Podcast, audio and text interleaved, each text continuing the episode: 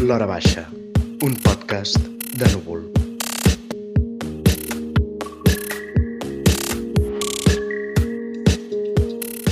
Bona tarda, benvinguts a l'Hora Baixa, l'únic podcast que es fa, de fet, a l'Hora Baixa.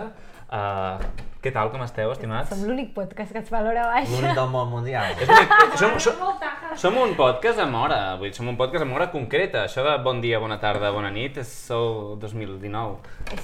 Sou... Sí. Bé, uh, aquesta tarda ens reunim, tenim un convidat especial, som la Clàudia Rius, la jefa de facto de Núvol. No diguis això perquè després passa el que passa. no sóc la jefa de núvol. I aquí tenim la primera sessió especialíssima, el nostre crític de teatre, el fantàstic Oriol Puigtauler. Servidor de vostès, què tal? Bona nit. No cal mirar càmera. Hola. Comencem així, bé, jo, jo sóc Jaume Bordeus, eh, el servent de, El de vostès, eh, i bé, eh, com avui és un dia molt especial en què estem molt contents de tenir l'Oriol amb aquesta fantàstica, eh, aquest jersei de color fúcsia, m'ha de- m'ha determinat abans de Es començar, jersei, De- aquesta peça de tan exòtica. però Es jersei. no estat capaç de determinar que era fúcsia i m'ha agradat bastant. Sí. Eh, Està fent una cosa que és, mm, és bueno, l'èxit, la modernor absoluta, que és barrejar fúcsia amb una samarreta vermella, um, segons ell color teula, Sí. a sota. Mares escandalitzades per... i Oriol dient que sí.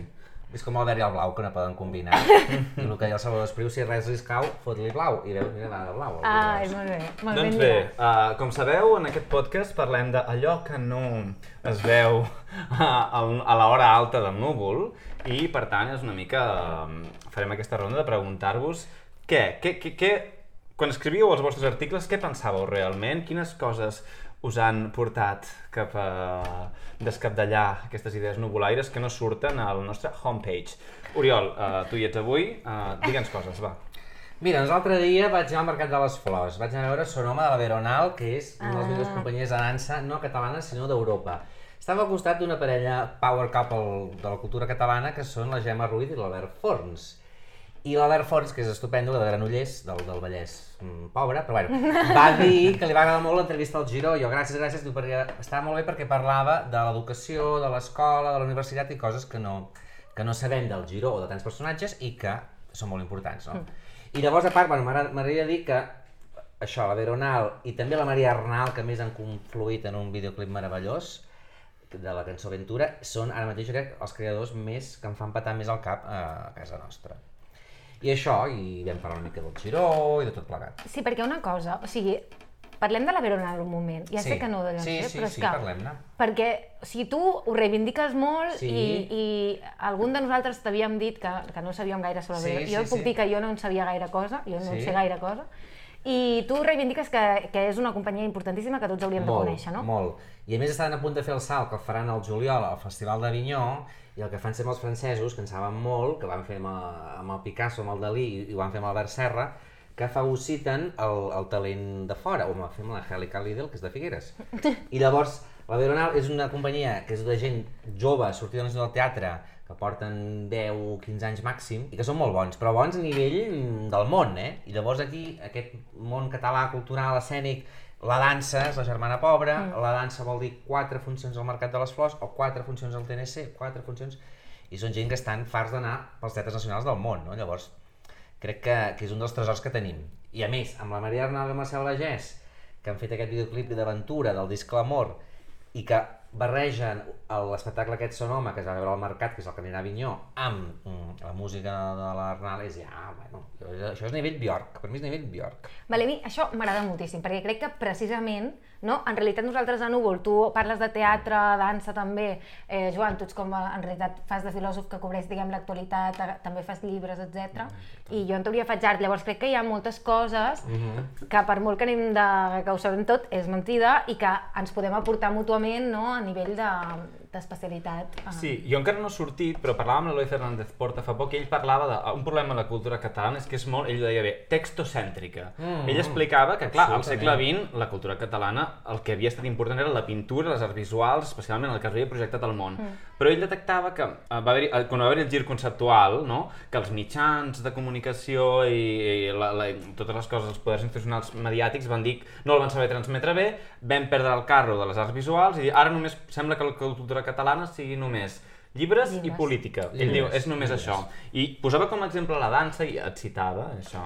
I Ah, parlava molt de que uh, va haver un assaig, crec que és Laura Robert, que havia parlat del Pere Faura, o... Sí. sí la Laura Robert que havia fet un assaig sobre el Pere Faura. Pere Faura, I gran clar, creador, també, gran què creador. passava amb aquest expert en dansa? Que va anunciar en la teva entrevista que ho deixava, que estava fins als collons de la dansa, i diu, clar, eh, ell, el- l'Eloi, o aquesta Laura que diu, nosaltres que escrivim sobre art, què cony hem escriure si la cultura catalana no dona suport a als artistes no textuals, a tots aquests artistes que fan dansa, cosa visual, cosa de teatre, i bueno... mm, Sí, però això, és veritat, és que això passa, òbviament, amb, amb l'art visual, no? Per exemple, a l'hora- d'escriure què passa en una obra, o a l'hora d'entrevistar a un pintor que et diu no, és que jo no vull parlar perquè l'obra ha de parlar per si sola o així, òbviament hi ha com un problema de, de, de traducció, de, de, de portar una cosa al text que segurament va fer que després de tots els èxits del segle, del segle XX eh, eh, no sabéssim expressar en paraules com les corrents artístiques continuaven endavant amb el camp de l'art i, i ara costa doncs, tornar a reprendre una mica el fil i de fet eh, l'art parla molt sobre si mateix i es construeix molt sobre tot el que va passar a les avantguardes, tots els límits que es van trencar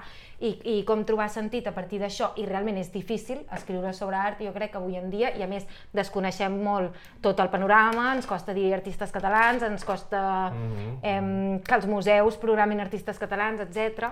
Clar, és veritat que amb el cas de la dansa, jo vaig anar a veure um, l'obra del Pere Faura, El em va agradar moltíssim. Requiem nocturn, Em va agradar sí. molt, molt, molt, molt. I, I clar, ell, ell bàsicament el que, el que deia ell és que, que es donava per mort perquè veia que no podia viure d'això, no? Però a més, fixa't que en un espectacle de dansa que hi havia teatre, hi havia molt text, hi havia reflexió, hi havia sociologia, et parlava de la precarietat de la dansa explicant-ho, no? i deia això, mm, fer dansa és gairebé un, un, una utopia i, una, i en aquest món precari català mm, encara més, no? Llavors jo crec que això també és molt aquesta separació, no? Les lletres, les arts, el tal. Això no té cap sentit. I a més amb les arts escèniques, o això tornant a la Veronal, són gent que fa... El Marcos Morau és un creador que et fa mm, l'obra d'art total, no? Que deia el, el Wagner, la Gesamtkunstwerk. Oh, he tenit germanismes. La molt content, molt content. El, el Wagner parlava de l'òpera, perquè l'òpera reuneix el teatre, la dansa, l'art visual, la sonografia, el moviment. Clar, mm, a Catalunya, per mi els creadors sempre parlem del pla, de no sé què, els creadors importants també són Brossa. Què feia Brossa? Brossa feia poesia, feia teatre, feia art visual, feia cartellisme, feia de tot, no? I llavors això, un, uns creadors com la Veronal i com el Marcos Morau, que és un tio que no té ni 40 anys i, i, i, i, i espera el que farà, uneixen en un escenari el millor de, de les arts escèniques i el millor de la dansa i el millor de la literatura, perquè són espectacles de dansa, però també on hi ha textos, on hi ha textos pro- projectats, on hi ha reflexió, on hi ha missatge, i clar, això a mi, i, i, i ens pensem que el senyor Brogi o el senyor X, aquests directors de teatre català no són els que van pel món, els que van pel món, sempre ho dic jo, són els raros, els de dansa, els que fan teatre modern, El el, senyor Serrano, el circ, el familiar, aquests són els que van pel món. Sí, és que si ho penses, vull dir, la, la cosa de la llengua, no? Una cosa és que la llengua no és la finalitat de moltes produccions culturals, és la finalitat de dues produccions culturals que són la literatura i la poesia. I què ens passa? Suposo que una lògica dels mitjans és que jo em passa, a mi em, em fots a parlar de, de dansa i cal un especialista de veritat perquè no tens el llenguatge eh, és com quan parles de vins i dolors, jo no sé descriure olors, doncs no sé descriure allò que és específic de la dansa, en canvi és molt fàcil d'escriure, bueno, tothom sap llegir un text, la porta aquesta, aquesta part literària. Clar, això té una part política que és evident, vull dir, vam tenir un lingüicidi molt important, llavors quan es va acabar tot el franquisme va sortir fortament les ganes de llengua, llengua, llengua, llengua. I és una cosa en la qual tots eh, s'ha d'estar mort amb la llengua. Però és veritat que, que, que, que els, vull dir, no sé, aquesta setmana, que, o sigui, cada cop que hi ha un debat i això ho veiem molt a Núvol, us confessem que des de Núvol els articles que més tiren són els de llengua. El nostre article més llegit de la història és els 10 errors més llegits, ai, més, més comuns en català o més habituals, més, Més freqüents, freqüents. Més freqüents. més freqüents en català. Griselda Aquest és l'article sistemàticament més llegit. I aquesta linguofília catalana que tenia un sentit post-transició, perquè era, hem de recuperar el temps perdut i ja no va tant de pintura, també sembla que ara, en el, en el segle XXI, ens costa dir, d'acord, uh, la cultura no és només llengua, sinó anem, i no només això, sinó que la llengua a vegades és instrumental en l'arquitectura, en la dansa, en les arts visuals, la llengua no és la finalitat, sinó que és l'instrument, i costa, costa de fer arribar Mm. tota aquesta producció cultural cap al centre dels debats que sembla que defineixen la cultura catalana, quan tenim arti que artistes fantàstics de dansa i que Mm. estaran en un breu dels diaris més importants i potser haurien d'estar amb un text senyor i llavors ja caldria un especialista que ho sàpiga traduir. Sí, jo, jo no sé, o sigui, jo no havia pensat mai si realment això era una qüestió de llengua. Sí que és veritat que avui en dia seguim estant preocupats per la llengua, no?, i que de formes diferents em, seguim volent i necessitant que estigui viva i seguim necessitant una cultura forta que vehiculi aquesta llengua.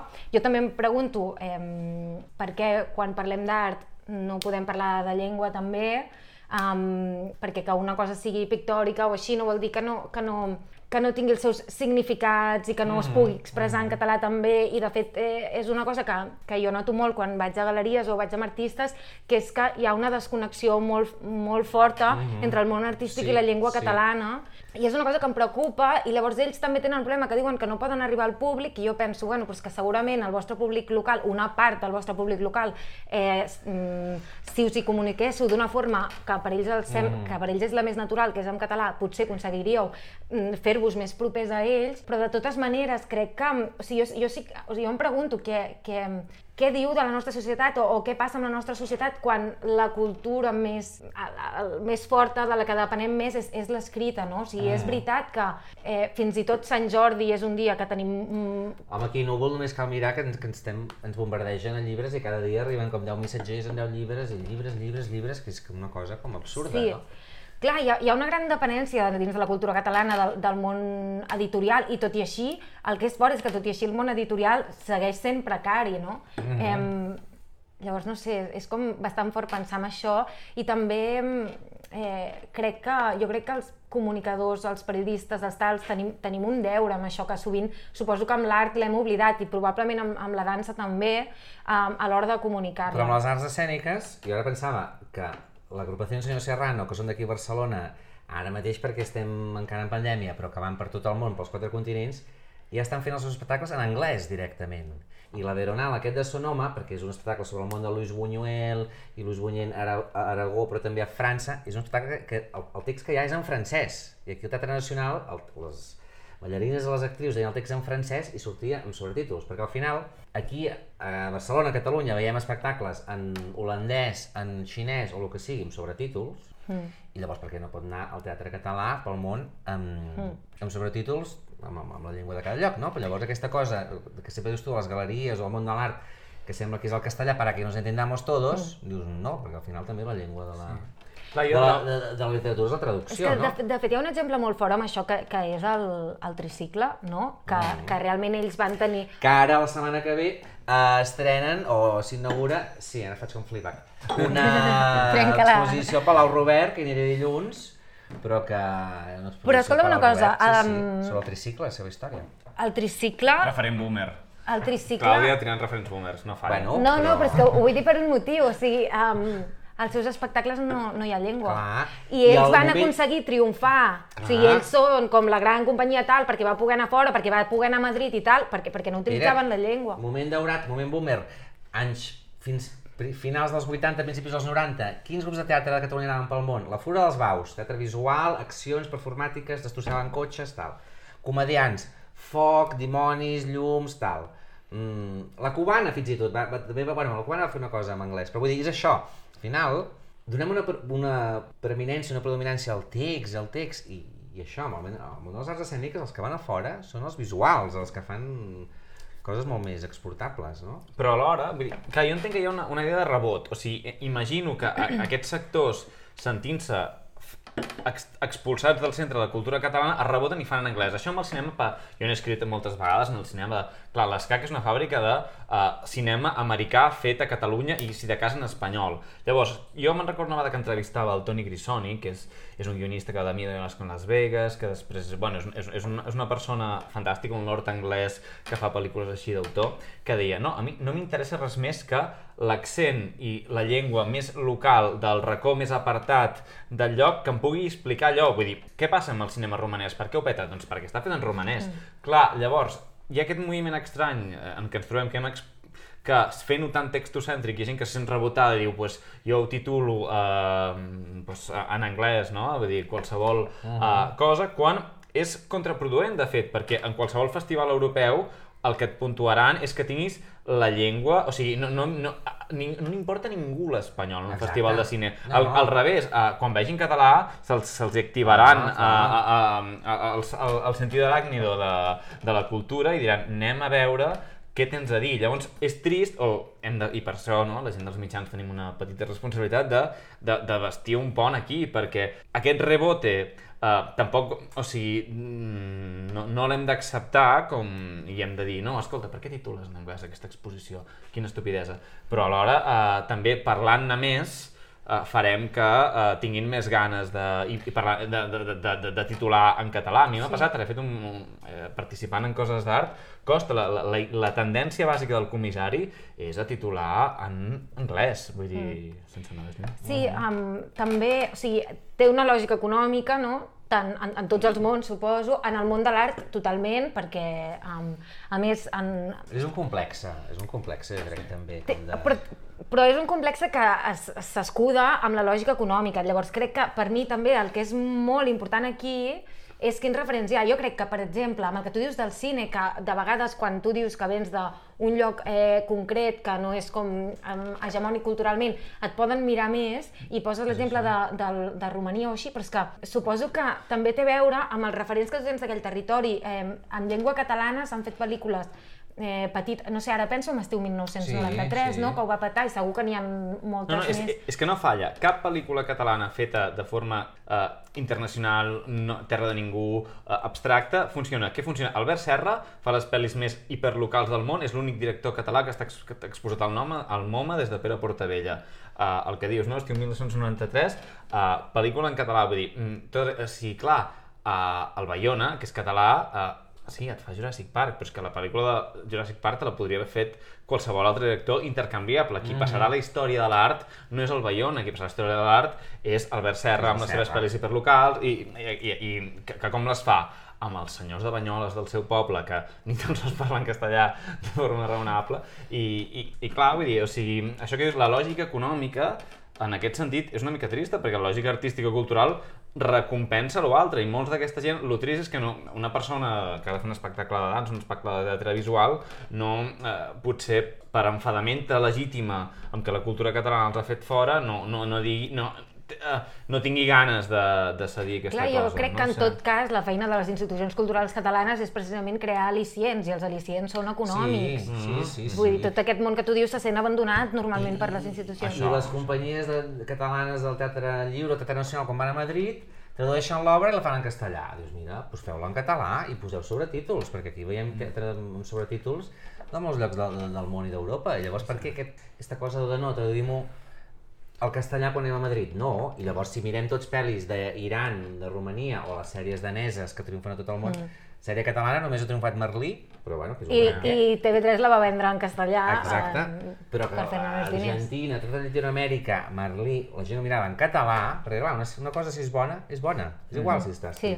en l'idioma que, si està fet en l'idioma que estigui fet. Però Oriol, abans relacionat això, amb tot ve d'això de comentar la, la Berlinale, amb l'entrevista de Marc Giró, que és un text que a Sí. Núvol ha estat important perquè bueno, ha agradat, s'ha comentat, que permet veure una cara del Marc Giró que la gent desconeix. Eh, I jo crec que és interessant que parlem d'això i si ho relacionat Sí. serà per, per alguna cosa perquè hi ha teca aquí. Sí, bueno, perquè això, jo crec que Marc Giró és un personatge que veiem des de fa ja un- uns anys a les nostres pantalles, però que no, no sé, pot- jo no, havia, no sabia ben bé d'on venia la família, no? Sa mare mestra, pare dissenyador. A mi em va agradar que em parlés de l'escola, no? això l'escola aquesta que va anar, al Garbí, que als anys 70, vosaltres sou joves, però anys 70 era o monges o capellans, o aquestes escoles progres catalanes que venien d'aquest esperit republicà de l'Institut d'Escola, a més que tenien molt, molt ja aquesta cosa que sembla tan moderna, del Montessori, les arts, tot per treballar per projectes integrats, ja es feia això, perquè eren escoles que moltes eren cooperatives i que tenien molt clar que s'havien de relacionar, de relacionar els nens, els cursos entre, entre ells, que havien de treballar per projectes, que havien de fer arts, dansa, teatre, música...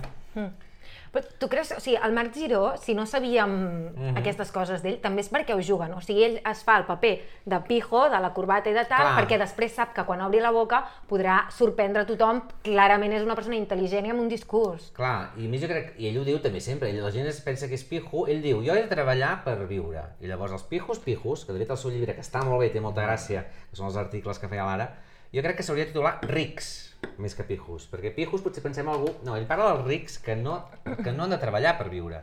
Diu, aquells nens que quan els preguntes de què treballen els, els teus pares no saben què respondre, perquè els pares no fan res. Estan vivint de rendes i firmant papers i anant de, de les diferents cases que tenen.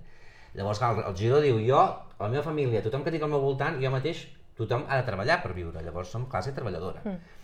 Passa que el Giró té aquesta cosa molt interessant de que com que ha treballat 20 anys al món de la moda i el món més superficial, diguéssim, que pot haver-hi, que és una revista de moda, a Madrid, mm. doncs clar, ha estat en contacte, el Giró ha estat a casa de Isabel Preisler o ha estat a casa de no sé qui i l'enviaven a desfilades a París. Mm. Però clar, el Giró al final viu en un pis a l'Eixample, però bueno, com un pis a l'Eixample, com és aquest on estem ara, que és la redacció, i ell ho diu, jo sóc autònom i m'he de pagar els autònoms. Diu, vale, tinc un cavall, però vull dir, no... Però és que això és una cosa molt que passa avui en dia, que és el, el fet de relacionar la ideologia amb l'estètica. Sí. I, I de fet, o sigui, i precisament o sigui, és, és un problema econòmic, diguem, social, el fet de que en realitat eh, anar a una botiga que et permeti vestir bé, una botiga amb roba barata, no és un problema normalment perquè hi ha moltes marques que et fan roba de merda. El problema és com les fan, com fan aquesta roba, que permet que molta gent triï la- més o menys quin estil vestir. I la gran lliçó que ens en- ensenyen les àvies i les mares, comprar barato surt car, perquè si et compres unes sabates barates et duraran un any. Compres unes de bones seran més bones, vull dir, més cares, però duraran Clar, més i- anys. I llavors, clar, Però jo crec que això, no? que, que ens trobem en un, en, ara en un context en el qual eh, la, la ideologia i l'estètica estan bastant, que no ho pots discernir també quan veus una persona si ideològicament tal o pasqual, és una mica prejudicis, precisament és, molta gent ja vesteix expressament per, em, per provocar, no? per, per trencar aquests prejudicis. Crec que el Marc Giró és clarament una persona que ho fa. Sí, tot, tot m'ho porteu a l'entrevista a Fernández Porta perquè ell és una persona experta en moda i que és una persona que ha parlat molt del tema de la moda i, clar, hosti, aquest retorn irònic, no? Vull dir, clar, tu parles d'ideologia i estètica, no? És curiós perquè fa uns anys, no? Judith Butler va fer la seva teoria basada en el tema del drac, no? La idea de que si tu et vesties qüestionant el rol de gènere, estaves fent alguna inherentment emancipador, no? Com, com que la forma de vestir-te no, eh, no, no tenia a veure amb que l'imperatiu social t'obligava a reproduir, això semblava que la disfrècia i la provocació era alliberadora. En canvi, ara, diu una, una tesa de Fernández Porta que és molt interessant de veure, diu, ara hi ha un retorn, diu, diu ell, la contraportada del seu llibre és Normie is sexy. Mm. I és veritat, jo penso, per exemple, quin ha estat el llibre més important els últims anys de la generació millennial? Gent normal, el títol t'ho diu tot. Vull dir que uh, la, la normalitat, o quan penses, per exemple, en, en... Jo, jo penso en generació Z, que ja no és la nostra, però... Oh, la teva, No, sí, la no? meva- Oh, d'un any, eh? ja està. De, i, i, que la seva apologia... jo No, boomer. ells no fan una apologia de la transgressió ni de la... És ells que van... Uh, Billie Eilish és una mica estrany, però en el fons és comfy, normi, vull dir, la, la idea de que he de ser uh, estèticament amb allò que em posi faré una gran declaració, com, com Lady Gaga podria fer uns pocs anys, ara sembla estrany, només de fet Lady Gaga mateix de cop i volta va canviar i fer un videoclip on vestia com una persona uh, normal. Doncs, aquesta paraula tan estranya que, que està retornant en, en les teves declaracions estètiques és curiós, no? Perquè sigui, la de Fernández Porta és sempre hi ha un moviment i contramoviment de, ara de cop i volta anem a deconstruir els binarismes estètics i allò que podem dir amb la roba pot ser mitjanament subversiu i ara és al revés, i si tu ara eh, vas generacionalment la gent intenta vestir per, per no cridar l'atenció, per, però no criden l'atenció des de la forma com el meu pare no podria cridar l'atenció, sinó que des, havent de construir el criteri, o sigui, saben per què trien les coses i algunes coses les trien deliberadament per ser normals, és a dir, no és com... El meu pare vesteix normal perquè no ha fet la deconstrucció de per què la seva roba diu alguna cosa. En canvi, jo crec que algú d'uns 19-20 anys triarà una peça, tot el que ho triarà sabrà el criteri ideològic o estètic amb el que fa, però no es disfressarà, triarà eh, algunes coses expressament per, uh, per, per transmetre una sensació de normalitat, no m'importa, no m'hi fixo gaire. I és curiós, no?, perquè uh, això és molt interessant, no?, de que, que a vegades la, aquest retorn de la norma, de que la transgressió eh, semblava que deia alguna cosa, i ara, en canvi, no, aqu- aquest pèndol històric, de cop i volta, mm, jo no ve... Jo, o sigui, jo crec que ara el més... O sigui, està, el pèndol, si de cas, està anant més cap a... Uh, D'acord, no m'hi fixo gaire en allò que em posaré. No tinc gaire cosa... O si ho faig, ho faig des d'una No forma... hi estic massa d'acord, perquè Endavant. veus eh, els nois i les noies de 20 anys tots vesteixen igual, tots vestim igual. Hi ha uns, Mhm. uns certes tipologies i tu vas en camisa blava, tu vas amb una brusa sense mànigues, jo vaig rosa, i tots som molt conscients del poder que té la moda, la roba que ens posem i, i el que significa. I el giro, això, amb això, durant el giro és molt bo perquè ell diu jo em vesteixo com un pijo i em vesteixo com algú de dretes, quan el giro és molt d'esquerres, és molt feminista i és molt més antisistema del Sí. que sembla, perquè ell diu, perquè a mi, quan ens vinguin a fusellar, com que diran, es pensaran que sóc dels seus, pensaran que sóc fatxa, doncs no m'afusellaran, doncs una mica això. És que jo crec que precisament ha això, hi ha una consciència, també hi ha una consciència en el fet de rebaixar um, no, les modes de l'estiu així. O sigui, jo, jo també veig que els pijos porten xàndal. Exacte, el Exacte, xandalisme exacte. ara s'ha apropiat, i ja des de fer anys, a tota la música, la indústria I tant, musical, sí, sí. el hip-hop i això, el xandalisme, no? Els polígons... Sí, però jo crec que té a veure amb això d'aquesta deconstrucció, eh, de, de construcció de classes, reconstrucció de tot. O sigui, sí que crec que té a veure amb un moviment polític que el que intenta fer és dir la societat és complexa. És que senzillament és això, i manifestar-ho a través de la roba. O sigui, no, no som només uns que estem aquí, uns que estem allà, els rics que tal, no, perquè ara els rics porten xandall, potser els veus pel carrer i et penses que no són els rics, veus el Marc Giró i et penses que tal. Llavors, crec que realment, si alguna cosa ens demostren tot el, el pensament, diguem, social dels últims anys, és que cap on es camina a nivell amorós, a nivell de tot, és cap a la complexitat. O sigui, cap a, cap a no reduir les coses, estèticament confondre, fins i tot confondre expressament, no? No sé què diu l'Eloi Fernández Portes. No, però per això dic que semblava, per això ho he comparat amb Butler. Sembla, Butler venia a dir que era tan nou la idea de que el drac podia tenir alguna inherentment transgressor, diu, i llavors, havent-li donat la volta, ara eh, es pot utilitzar, o sigui, el que hem vist és que hi ha com una mena de, no, d'essencialisme estratègic o d'utilitzar estratègicament, contextualment, per a cada cosa. Llavors, a- al Giró li serveix vestir-se d'aquesta manera perquè pot elaborar un cert discurs després d'això, però a, aquesta és la sorpresa estranya que uh, els primers filòsofs de la moda que deien, uh, bueno, no, l'important és trencar la norma, dius, no, ara sabem que l'important és com trenques la norma i llavors paradoxalment pot ser interessant que t'identifiquis amb la norma des d'un discurs distanciat o irònic, però això és la, el que em Bueno, referia que, que- és novedós, no? Vull dir que um, ja, ja hem vist, el que has dit exactament tu, estic completament d'acord, que la, la, la complexitat... Clar, què passa? Que, per què el Giró a molta gent li cau malament? Perquè com que hi ha una complexitat al darrere, uh, aquest discurs, ell té l'oportunitat de fer-lo en uns certs espais i en uns certs llocs. És, és molt... Què passa amb la moda? Que la moda t'apareix, la moda t'impacta sobre els sentits i tu no tens temps de deconstruir-la eh, en els discursos. Llavors, que ell sàpiga el relat que hi ha darrere la seva giragonsa estètica, uh, què fa? Que molta gent, com per exemple, jo sé, eh, vull dir, tu vas als comentaris que feia els articles sensacionals dels pijos, com els llegia tots a l'ara, i hi havia gent que entenia el que estava fent i gent que es quedava uh -huh. en l'arquetip, no de construir dies, que penso, és paradoxal això, no? Perquè, perquè clar, abans, uh, si tu et vesties amb traje, deies una cosa, Aba- i llavors si et vesties diferent, deies una altra. Ara és, et pots vestir en traje i està dient una cosa molt diferent. Mm -hmm. Hosti, és complicat, eh? Sí, però jo, jo també, o sigui, un, una cosa que, que jo acabo tenint la percepció que fem apologia de la complexitat i a través de la roba i creiem, i fem, no?, que si ens vestim, per exemple, com el Marc Giró, eh, després podem acabar sorprenent quan parlem, però jo tot i així el que acabo veient és que en realitat les forces eh, econòmiques, el poder, no canvia tampoc de banda, saps? O sigui, evidentment. el Marc Giró, segurament per vestir com vesteix, per molt que ell tingui la crítica, pot accedir a llocs perquè eh, li Sí, compren sí. això. Clar, això... I perquè és blanc, i perquè és rosset, Clar, i i llavors fa aquest estereotip, llavors eh, mm, segurament pot entrar llocs que una persona que segurament pensi igual que el Marc Giró, però que decideixi no fer aquest truc estètic, no hi podria entrar. Llavors, fins... Arriba un moment que, que, que també és important eh, jo crec no perdre's en totes aquestes giragonses estètiques, ho dic però també, no, no pel Marc Giró, eh, però com en general, no? cada vegada acabem perdent el nord perquè tenim tants, um, tants eixos sobre els quals pivotar, no? que al final, per no, per, per, per no ofendre o per no el que sigui, jo crec que acabem una mica perduts i per mi és important dir, val, hi ha totes, totes aquestes voltes i voltaretes, però si parem un moment i mirem la, la foto gran, no? el poder segueix sent un, el poder segueix sent un altre, Mhm. i, i, i això també passa amb qüestions lingüístiques, no cal tornar-hi a el que dèiem, però eh, no sé, crec, crec, que, crec que acostuma a passar.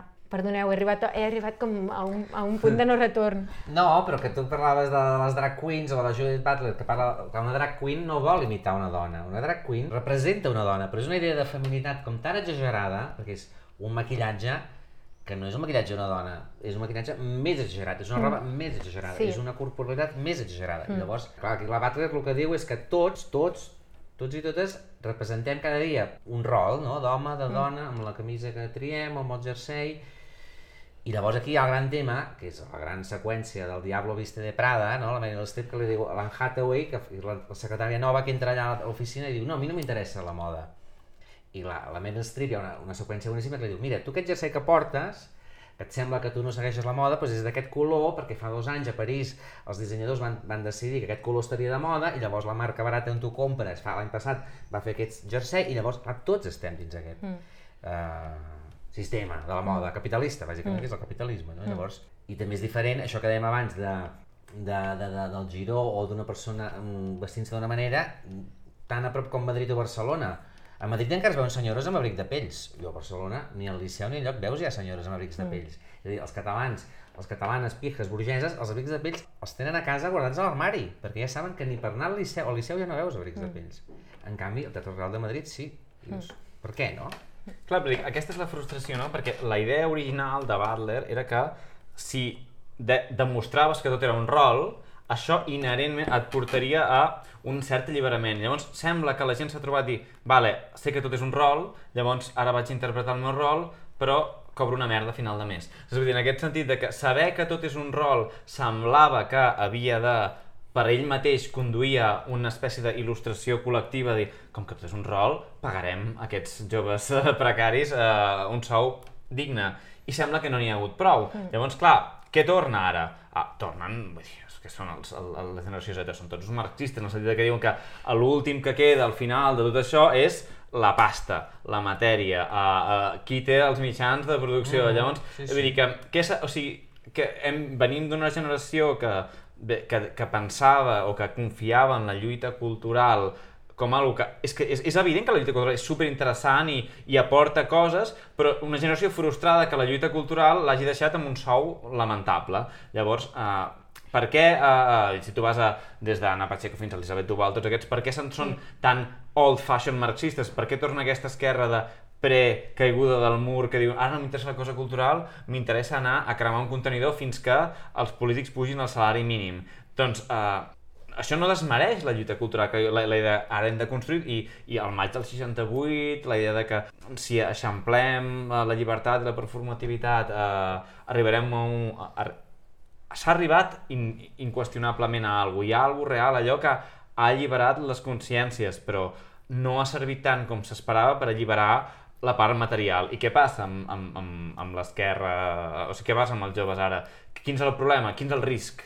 Que, com que ara volen tornar a lo pràctic, rebutgi també lo cultural. I llavors, què ens trobem? Que, uh, que molta gent fa aquest doble moviment. Com que lo cultural no m'ha servit, com que la construcció no m'ha servit, com que el drac no m'ha servit, és culpa del drac, la cultura de i no és culpa de que jo no he estat allà a la barricada uh, demanant els meus drets. I aquest és potser el repte, no? Incorporar tota aquesta cosa que hem après, que, Sí, eh? que és interessant, i anar-hi més enllà i, i, i, que, i que no hi hagi aquestes confusions, eh? perquè no és culpa de, de que el gènere s'hagi de construir que, que ara cobrem 1.000 euros, no és culpa d'això, gens, per res, però hi ha gent que ho confon no, i, no, no. i, i part del moviment contrarrevolucionari és barrejar-ho, dius, no, no, és que clar, anem-ho a barrejar, no? Ara, no, és que com estàveu preocupats fent això, doncs us hem estat eh, prenent la cartera. I dir, no, una cosa no té a veure amb l'altra. Vull- Jo vull conservar tot el que ah, aquest darrerianisme exhaust m'ha Sí. deixat, però i també vull, vull poder anar a la barricada vestit en faldilla.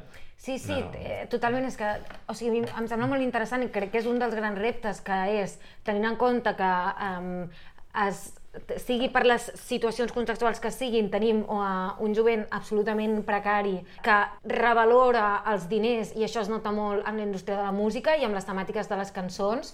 Em, em, Un gest de trapero. Fet un gest de trapero fallit. Vale. Um, tenint, tenint en compte que, ha, que realment els joves diuen vale, vale, el que vosaltres vulgueu, però necessito cobrar a final de mes un sou digne sense matar-m'hi, eh, com, com fem que aquesta lluita eh, pels diners eh, no s'acabi oblidant no, de, de totes les batalles perdudes a nivell de classe? Jo, de fet, crec que l'esquerra ho intenta, i, i, crec que ho intenta de veritat, el que passa és que és complexa, com hem dit, i crec que llavors a l'altra banda t'hi trobes um, l'ultradreta identitària que el que et diu és no et preocupis pel tema cultural, jo l'únic que faré serà um, donar-te respostes pel tema econòmic.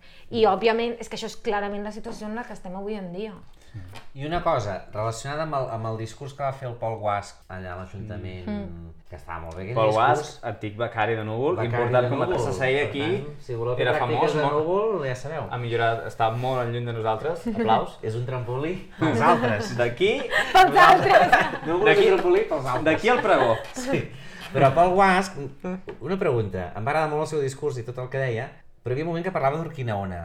Ho vaig veure tan antic, dir tan antic, clar, passa tantes coses i tot, tot, tot, però vaig veure com ja, com molt antic i com molt ingenu, no? Perquè també ens pensàvem, molt joves, jo ja no sóc jove, com no tinc 20 anys. Llavors, reivindicar Urquinaona, que ja sabem que no va passar res, que va estar bé perquè va mostrar un, de, un descontent, no? Va ser una prova física, però hòstia, no sé, va anomenar Urquinaona, vaig pensar, hòstia, Sí, em i, va semblar com si fes 10 anys, I- allò, i tampoc dediquem que on estem. Bueno, també estem... perquè hem passat el coronavirus i perquè és això, no? I perquè realment totes les accions eh, de lluita catalana que s'han emprès en els últims anys no han acabat en res i llavors sembla... O sigui, a, a mi m'agrada que el Pol ho reivindiqui perquè precisament lluites contra aquest cansament de que tot mori. I mm -hmm. llavors jo crec que realment el Pol diu Urquinaona i en realitat el que es refereix és a una eh, societat que lluita per les Mm, coses que tal, i llavors òbviament sabem que ni Urquinaona ni res del que s'ha fet aquests últims anys eh, ha tingut al final que molts La esperàvem. gigafoto, no? La gigafoto no ha servit per res.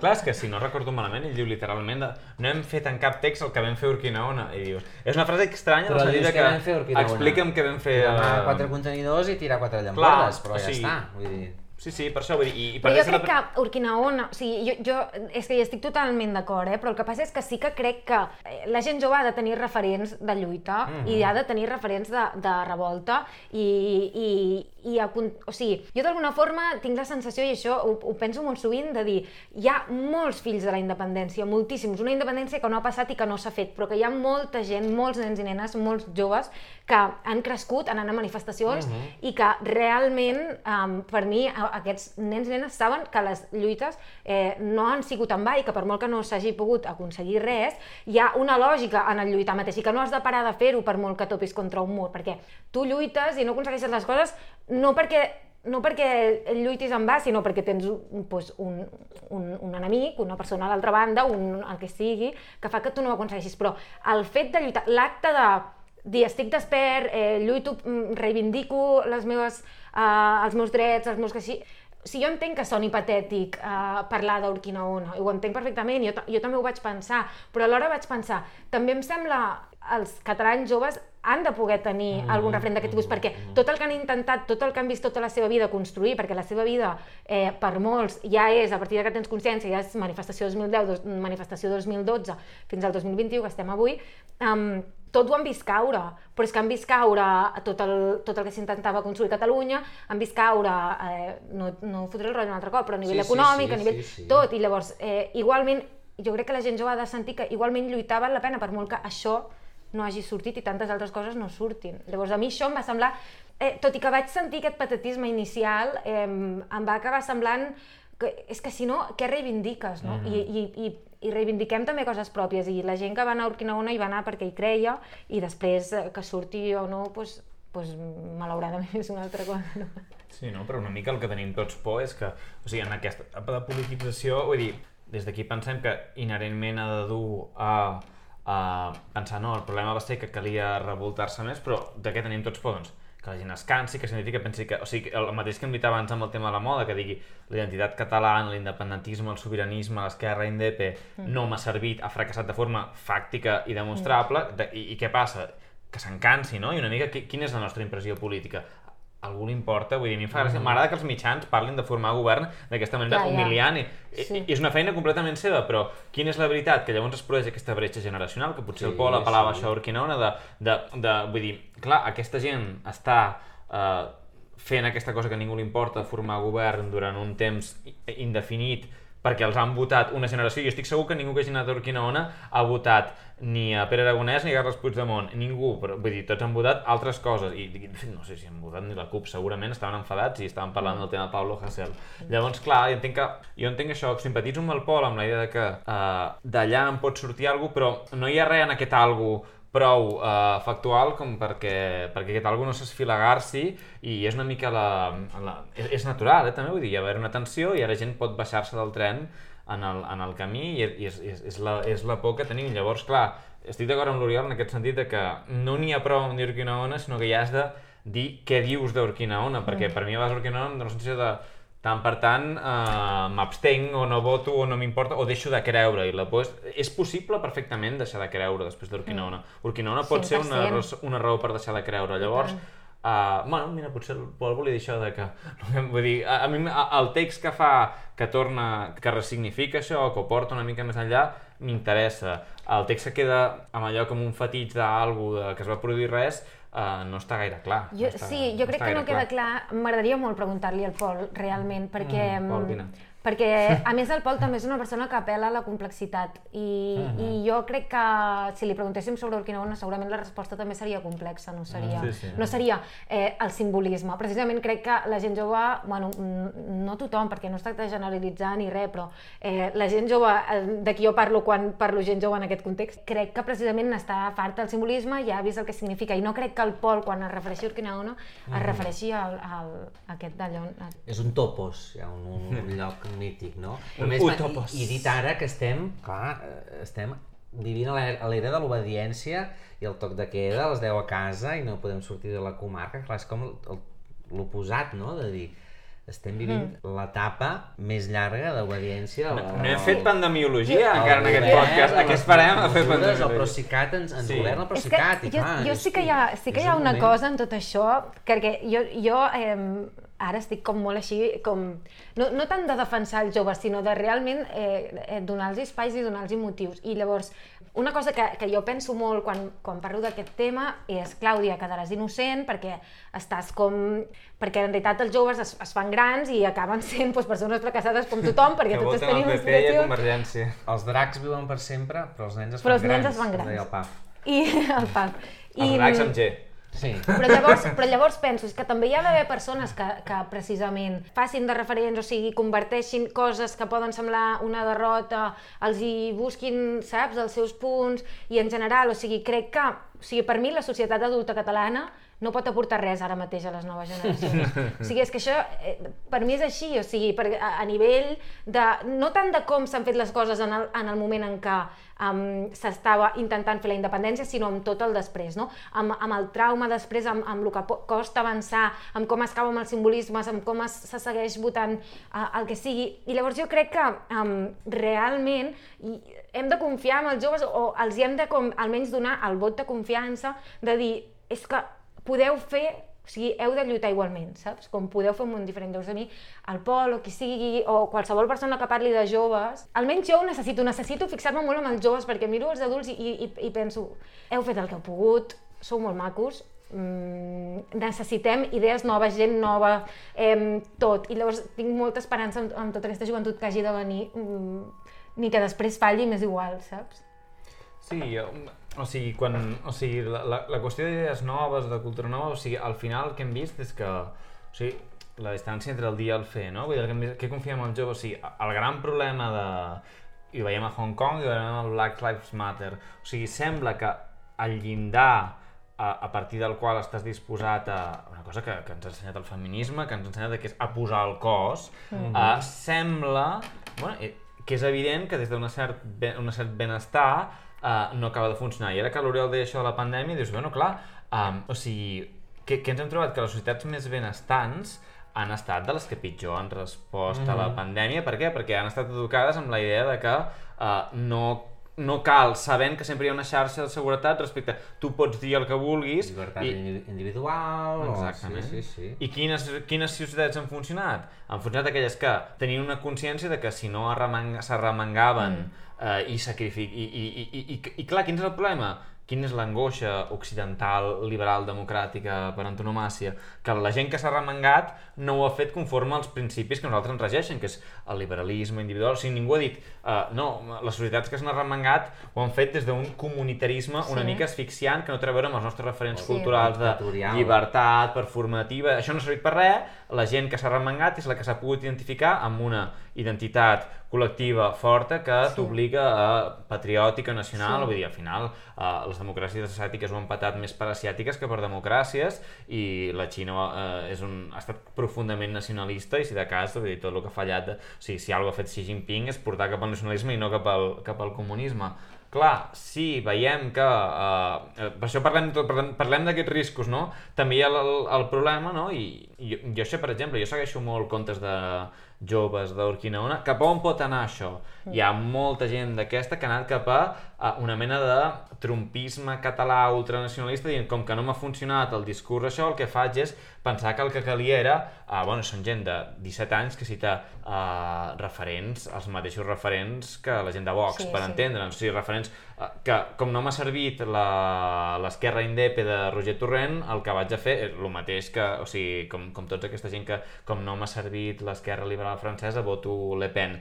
Això està a Urquinaona en Sí, els sí. joves, i els joves el que fan, què fan? és- Els joves en els que tu confies, el que fan és anar-se'n cap als extrems, o cap a l'extrema dreta o cap a l'extrema esquerra, que per nosaltres són massa poc liberals de liberatives obertes i el que els ajuda a mobilitzar-se tenen la sensació que és una identitat nacional, sexual, forta, o sigui, aquesta idea de que la és el problema de la democràcia, que la complexitat no, no, no et fa sortir a, a no, no et fa quedar-te a casa a, durant el virus, sinó que la complexitat vol dir que mm, et treus la mascareta, trampeges, vas a fer la, la, la coseta, és, és, és el problema que tenim, no? No, no sabem vestir la complexitat d'algú que tingui una motivació moral psicològica. Sembla que l'únic que té força per motivar-nos psicològicament són identitats fortes, uh, coses ultra... La nació és que- funciona perquè és forta, però clar, no trobem res gaire útil, o sigui, o, o, o sigui en, en el nostre cas no, no, la, la nació està com significada d'una forma que, que, que, Però és que, no el, el, aquest discurs de la complexitat contemporani, diguem, és totalment individualista. És, és un dels problemes que acaben tenint el discurs de la complexitat, que en teoria et diu que vol arribar a, a ser una cosa que faci el món millor a nivell col·lectiu, però que en realitat té tant en compte eh, tu d'on vens, de què et victimitzes, eh, què, què pots respondre davant quan un altre t'assenyala tu com a culpable d'alguna cosa, que al final acaba sent tot molt individual i llavors és veritat que eh, davant d'aquesta complexitat que acaba sent molt individualista per molt que a, a, aspiri a tenir, a, a assolir una societat col·lectivament perfecta, al costat hi tens eh, uns dogmatismes que són més senzills però que, i, i que mm, apel·len a una col·lectivitat però que eh, acostuma a ser una col·lectivitat, col·lectivitat falsa també. Mm. És el problema de la motivació, no? Vull dir, no sabem, o sigui, com animals, no? Vull dir, hem evolucionat molt ràpid. Tenim, les motivacions semblen tribals perquè no hem canviat en res respecte a aquelles personetes que vivien en una tribu de 100 persones i el que ens motiva és la mama, el papa, la família, el que té el mateix color de pell i això, i de cop, o sigui, és, és, aquesta dissonància entre l'evolució evolutiva és zero, eh, en canvi l'evolució cultural és un milió i de cop i volta només ens segueix, seguim necessitant no? recursos eh, primitius i l'únic que se'ns ofereixen són recursos massa moderns. Clar, jo no sé, jo, jo això, per exemple, gent que ha llegit que, que parli d'això, Uh, clar, diu, o sigui, el, el, o sigui, quan parla de la, la motivació cultural, no diu, jo per exemple, Sloterdijk, que és un pensador que m'agrada, diu, bueno, el problema del discurs de l'esquerra, del discurs eh, complex, del discurs és que no apela, ell parla de, parla del timós platònic, no? Plató deia una part de l'alma, no? una part de l'ànima, que és, té la doctrina tripartita de l'ànima, i diu que hi ha la, la part afectiva, que només li interessen el menjar, el sexe, no sé què, i la part intel·lectiva, que, i té una part entremig, que és el timós. Ell, el timós, que, com es tradueix? És difícil traduir. Vol dir, vol dir orgull, vol dir coratge, vol dir... Però què vol dir? Vol dir que també vol dir generositat, vol dir magnanimitat, vol dir que aquí és on hi ha... la- En la generositat, per mi, és, és, és el repte cultural de- d'Occident, no? Vull dir que alguns discursos sembla que només vagin de vull necessito diners, eh, vull, eh, l'estat del benestar sembla que només dona diners o raons. Mm. Clar, la idea de tot discurs polític ha d'incorporar també aquesta part timòtica de... Sí. Vale, també està... En quin sentit? No en el sentit de els meus són els millors, sinó que és una idea una mica passada de moda, no? però de, no- de, de, de magnanimitat, de generositat, de dir, donar m'omple, no? Aquesta idea, donar m'omple, de donant em faig més gran, sent generós, mm. sóc feliç, el bo eh, no és el que roba de l'altre, sinó el que defensa l'altre. Aquest tipus d'imaginari cultural és super important per, per, per, per, per, tenir una mica de, de cohesió política en la complexitat. I se- la complexitat és freda, és o intel·ligència o diners. I diu, hòstia, aquí hi ha un espai per la cultura que parli de... Bueno, mm, i, i, que, i que no parli d'orgull en el sentit dels meus són els millors, sinó generositat, saps? De, de, això, això ho parlàvem amb, amb Nomadland aquesta setmana, deia, hòstia, Nomadland, va dir, a Nomadland hi ha àvies, hi ha moltes àvies. Les àvies són diferents dels joves, saps? Ara que parlem dels joves, el contrari, que són les àvies. Sigui, les àvies tenen una idea de, de una idea política que, que té molt a veure amb generositat i responsabilitat m'omplen.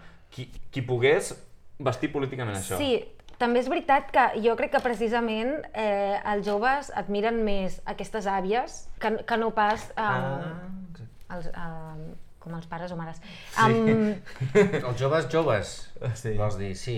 sí No com nosaltres. Sí, sí. No, els joves, joves, joves. Eh, no, sí que crec que és important això que deia, no? de, de que eh, en aquesta um, complexitat de l'esquerra que acaba sent bastant individualista, precisament el que li cal és molta generositat i crec que és el que es vol però que costa d'aconseguir quan, quan tot és un sistema de... Bueno, És que no hem d'oblidar, o aquí mm, els, els progres o els catalans que deien que corrien davant dels grisos, mm, Franco va morir de vell i al llit, saps? Vull dir que no ens donen lliçons.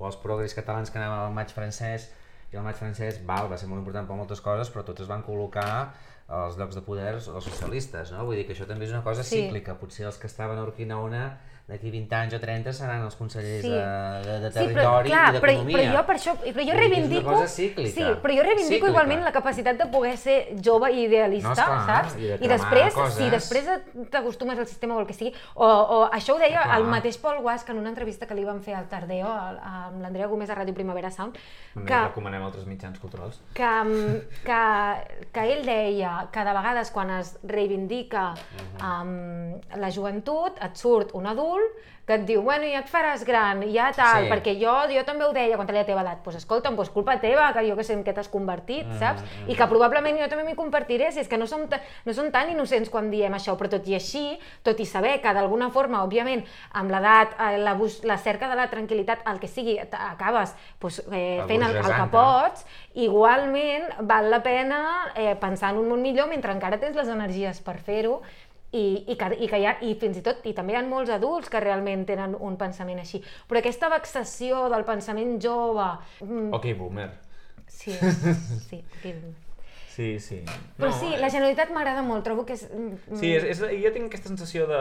Uh, hi ha una mica... Ara un dels memes més extensos és el del goig nyicris i el gos fort. Vull dir, i és veritat que... Tot i que tinc moltes lectures, eh? també hi ha gent que, m'ha fet, que ha fet una lectura masclista d'aquest meme, però hi ha una part de que dius, bueno, um, uh, la, el, el gos fort normalment és algú, o, o aquests memes, no, de ja el, el xat i no sé què, són gent expansiva, no? Vull dir, ara uh, ens interessa o, o, o sigui, això per exemple passa molt amb Twitter, no? Hi ha moltes batalles a Twitter, i, o sigui, Twitter sembla que t'agafi la part apetitiva de l'ànima, la part dolenteta, i llavors dius, a, a mi em passa molt, dius, bueno, gent uh, que insulta, critica els meus articles, dius, una de les, o sigui, clar, una de les reaccions més, més, més habituals és, és grandesa, saps? Vull dir, jo penso, mm. o sigui, hi ha tanta petitesa en un cert tipus de crítica twitteril que només pots fer des de la, la fragilitat, que només mm. pots fer des d'una fragilitat que se sent deguda d'algú, que tinc bastant la sensació que la gent que m'interessa, la gent que mou el món, e- e- és uh, gent, això, uh, magnànima, amb una ànima ben gran, no, al contrari, és pusil·lànima, no, magnànima,